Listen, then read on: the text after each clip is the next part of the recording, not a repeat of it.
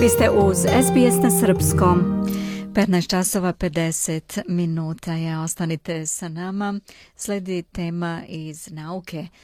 Rudari u području Klondajka u kanadskoj teritoriji Yukon otkrili su ostatke runastog mamuta koji je živeo pre najmanje 30.000 godina.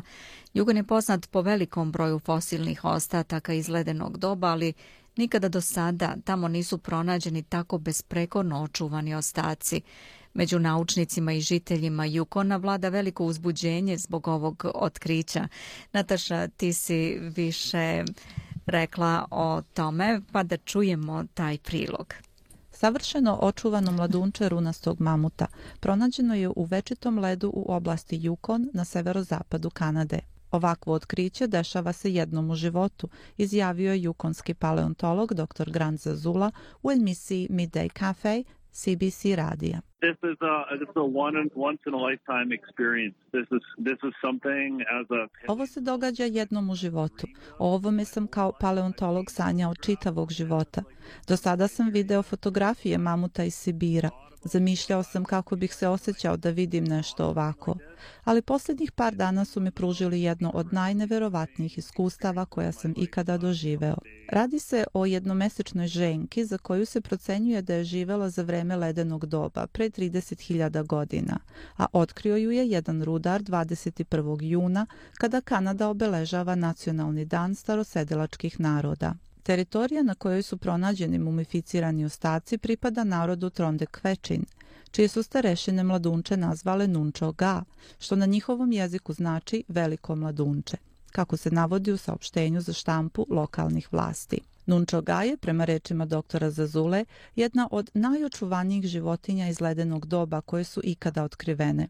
She's a perfect baby woolly mammoth preserved with everything you could see a mammoth have. Ona je savršeno očuvano mladunče mamuta i ima sve što jedan mamut treba da ima. Ima surlu, uši, rep. Apsolutno je predivna. Ovo je najbolje očuvan mamut ikada pronađen u Severnoj Americi. Ovo je najbolje očuvan mamut ikad pronađen igde izvan Sibira. Prema saopštenju mesnih vlasti, Nunčo Ga je dugačka 140 cm, što je čini nešto većom od drugog mladunčeta runastog mamuta nazvanog Ljuba, koja je otkrivena u Sibiru maja 2007. godine. Paleontolog Zazula smatra da je Nunčo Ga verovatno bila na nekoliko koraka od majke, da se možda samo malo udaljila idući za travom i prema izvoru vode, gde se zaglavila u blatu i uginula. Otkriće je značajno sa naučnog stanovišta jer će pružiti obilje podataka za istraživače kako o Nunčo Ga i njenim posljednjim trenucima, tako i o sredini u kojoj je živela. We can learn all the specifics of the types of animals that were living with her Možemo da saznamo sve pojedinosti o vrstama životinja koje su živele sa njom na tom području, jer smo sakupili i druge kosti i druge uzorke koji će pružiti neverovatno detaljnu sliku života i vremena Nunčoga i kako je živela i kako je povezana sa narodom Trondek Večin. Starosedeoci ističu kulturni značaj ovog otkrića za njihovu zajednicu. Nakon vađenja iz zemlje, mumificirano mladunče je prebačeno na obližnju lokaciju gde je obavljena ceremonija tokom koje su starešine blagoslovile mladunče runastog mamuta. Debi Nagano, upravnica Centra za baštinu Tronde Kvečina, kaže da je to bio snažan trenutak i da dolazak Nunčo Gaza njih ima duboko značenje. Um, she came to us for a reason. All all our First Nations, um, they'll um, come up with um, their own stories of, of why. Došla je kod nas s razlogom. Sve prve nacije će ispričati svoje priče o tome zašto se pojavila baš 21. juna. Došla je od majke zemlje gde je provela već dugo vremena. To uvek moramo da imamo na umu i moramo da se prema njoj odnosimo s poštovanjem. Gotovo 14.000 naših ljudskih naraštaja deli zemlju sa ovim mladunčetom. O daljoj sudbini Nunčoga zajednički će odlučivati starešine prvih naroda, naučnici i vlasti Jukona.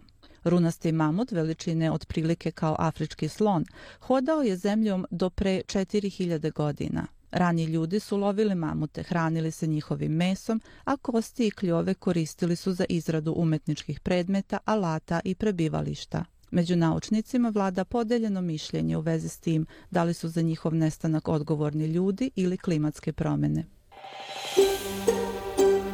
Želite da čujete još priča poput ove?